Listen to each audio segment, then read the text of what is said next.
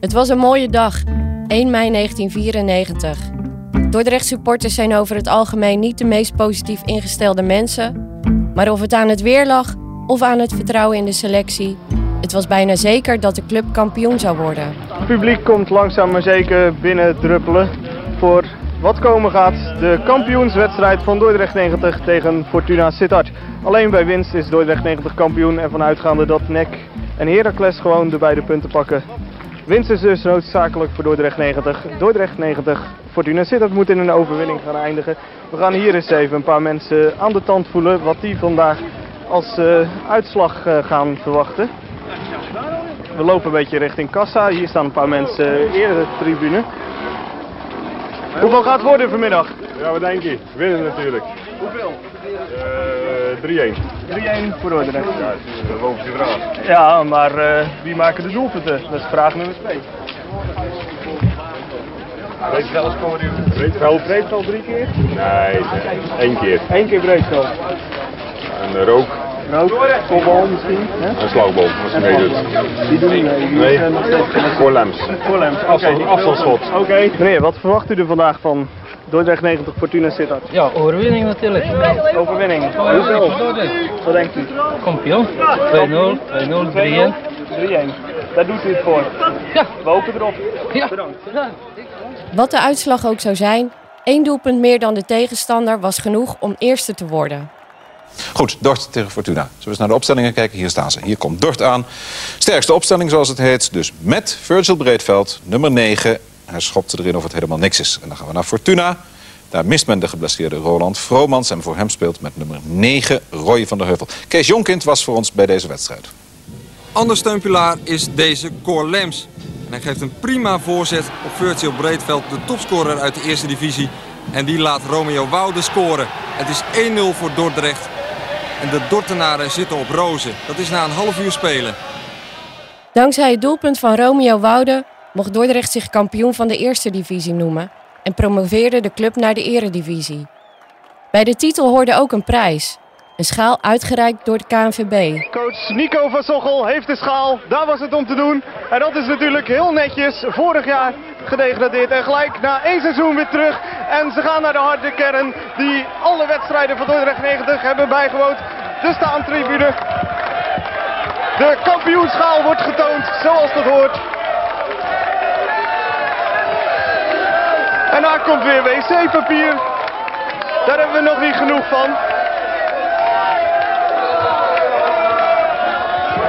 Iedereen wil de kampioenschaal eventjes vasthouden.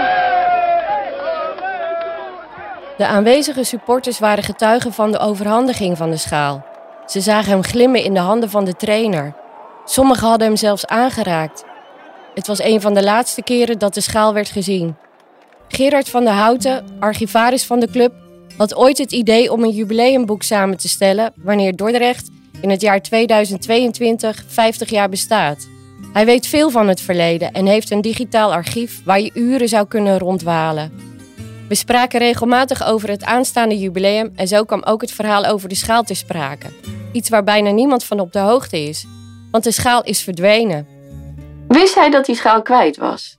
Ja, volgens mij, want ik ben denk ik in 2012, 2013 begonnen en, uh, met dingen te verzamelen en bemoeien met wat er bewaard wordt uh, op de Krommerdijk. En in een van de gesprekken met Olaf uh, vertelde die mij van ja, er gebeurt hier heel veel en in het verleden. En, onder andere dus het, het verdwijnen van, van, van, de schaal. Maar voornamelijk het verhaal dat hij zelf zo'n aula bij zo'n dienst binnenliep. En dat er pontificaal op de kist de kampioenschaal opeens weer tevoorschijn kwam. Maar toen heb ik toen ook aan hem gevraagd, ja, maar waar, waar is die daarna dan? Uh, heb je dan weer meegenomen of wat dan ook? Ja, dan krijg je geen antwoord. Dus dan is het eigenlijk daarbij gebleven. Daarvoor wist ik het niet eigenlijk. Het is niet een algemeen bekend verhaal, ook niet onder supporters of zo. En misschien hecht er ook niet heel veel waarde aan, maar dat er een schaal ontbreekt.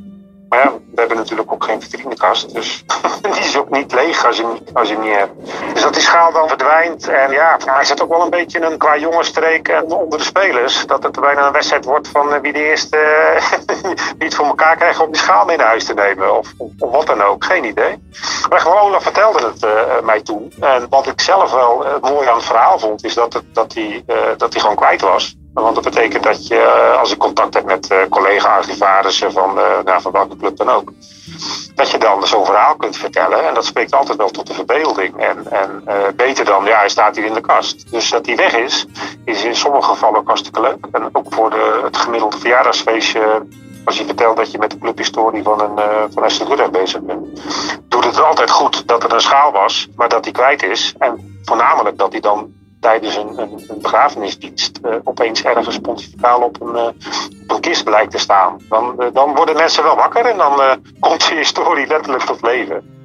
Gerard heeft veel contact met Olaf Ouwekerk, al jarenlang manager van FC Dordrecht. Een van de belangrijkste bronnen voor de archivaris.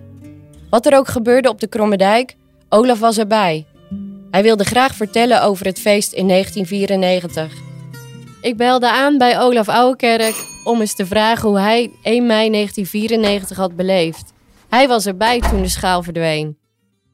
Olaf, weet Hallo. je nog? 1 mei 1994. De dag dat we tegen Fortuna Sittard moesten spelen om uh, kampioen te worden. Hoe was het een beetje in het stadion? Heb, kan je daar nog herinneringen aan? Ja, die dag zullen we toch maar niet vergeten, denk ik. Hè? was uh, een van de laatste kampioenschappen die we bereikt hebben. Romeo Wouders die scoort op een gegeven moment de 1-0. Groot feest, wordt afgefloten door het kampioen. We hebben net nog even terug zitten kijken. We hebben nog even met z'n allen hier gejuicht voor het uh, winnende doelpunt. Nou, wat ik, het, wat ik toen, wat ik me van herinner, is dat, eigenlijk, dat we eigenlijk meer gespannen waren hoe de huldiging in de stad zou gaan verlopen. Uh, ja, dan waren we vooral mee bezig. We gingen met een open bus naar de stad toe. We waren nog alleen met, het, met, met, uh, support, of met de spelers en de staf. En de clubmensen waren nog in het stadion. En uh, toen zijn we in een open bus gestapt. En dat was eigenlijk ook wel hilarisch in die tijd. Omdat we eigenlijk, waar je bent kampioen bent geworden, dat wij onderweg... we zijn drie mensen tegengekomen, meen ik... Dus met, redelijk, met een redelijk gespannen gevoel reden wij richting Stadhuis. En toen waren we wel blij verrast. Dat was wel leuk. Dat het hele Stadhuisplein wel helemaal vol stond. Met supporters. De bordesscène mee mogen maken op de trappen van het Stadhuis. Met de schaal? Met, toen nog met de schaal. Voor u staat een, uh, een trotse burgemeester. Die vanmiddag heeft mee mogen maken, mee mogen maken dat door het 90 kampioen is geworden.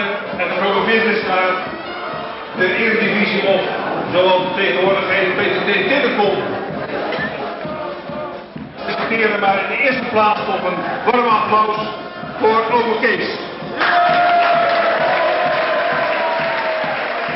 Dus zijn we terug naar het stadion gegaan en daarna. Goh, wat herinner je nog van een avond als je kampioen geworden bent? Uh, uh, opgeruimd. En ik denk dat ik toen al op zoek ben gegaan naar de schaal. Want die hoort er natuurlijk bij. Ja, en toen dacht je, ik zie hem niet. Ik moet heel diep graven in mijn geheugen. Uh, nee, de, maar dan op dat moment veronderstel je met de, na zo'n avond dat iemand die wel meegenomen zou hebben. Het zij uit trots, het zij uit uh, misschien vergeetachtigheid, maar uh, iemand heeft die schaal meegenomen. Dan zal die ook wel goed komen. Dat is op dat moment wat je denkt. Maar toen de volgende dag of een paar dagen later kom je weer op de club. Nee, het zal de volgende dag geweest zijn op maandag. En uh, natuurlijk kom je op de club. En natuurlijk pak je dan weer uh, op waar je mee bezig bent geweest. Want dan moet die schaal uh, boven water komen. Maar dan wacht je ook eerst af tot, tot iedereen weer op de club nee. geweest is. En zou die dag training geweest zijn? Zou die spelers geweest zijn? Dat weet ik niet meer precies. Nee. Maar in ieder geval is dat wel het begin geweest van mijn zoektocht naar, naar onze kampioenschaal. Ja, uiteindelijk heb ik wel toen. Uh, uh, ik heb uiteindelijk iedereen nagevraagd binnen de club. Want dan op een gegeven moment gaat het toch uh, irriteren dat die schaal er niet is. En ik ben werkelijk overal geweest en ik heb iedereen gevraagd en niemand die mij antwoord gaf op.